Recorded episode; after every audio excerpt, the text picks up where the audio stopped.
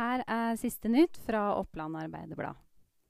Kontroversielle dommeravgjørelser satte sinnene i kok hos Raufoss-tilhengere under søndagens kamp mot Start.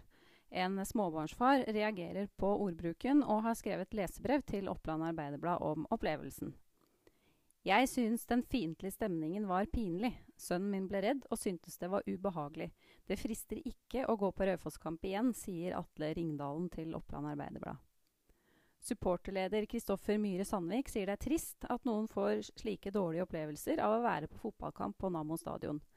Dette var ikke morsomt å høre, og det er ikke slik vi vil det skal være, sier han. Skipstedt ga opp eh, sitt store kundesenter i Valdres. 70 årsverk kunne forsvinne, men nå jobber ansatte med et nytt selskap. De ansatte selv vil ikke si så mye om planene ennå. Det er på et forberedende stadium, men fra ansatte i dagens skipsavdeling får OA bekreftet at det jobbes med et nytt selskap.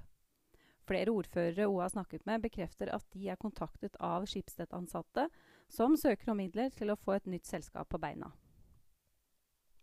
En eh, stor utredning med flere alternativer for ny rv. 4 gjennom store deler av Vestre Toten ble ikke behandlet av de folkevalgte i kommunen.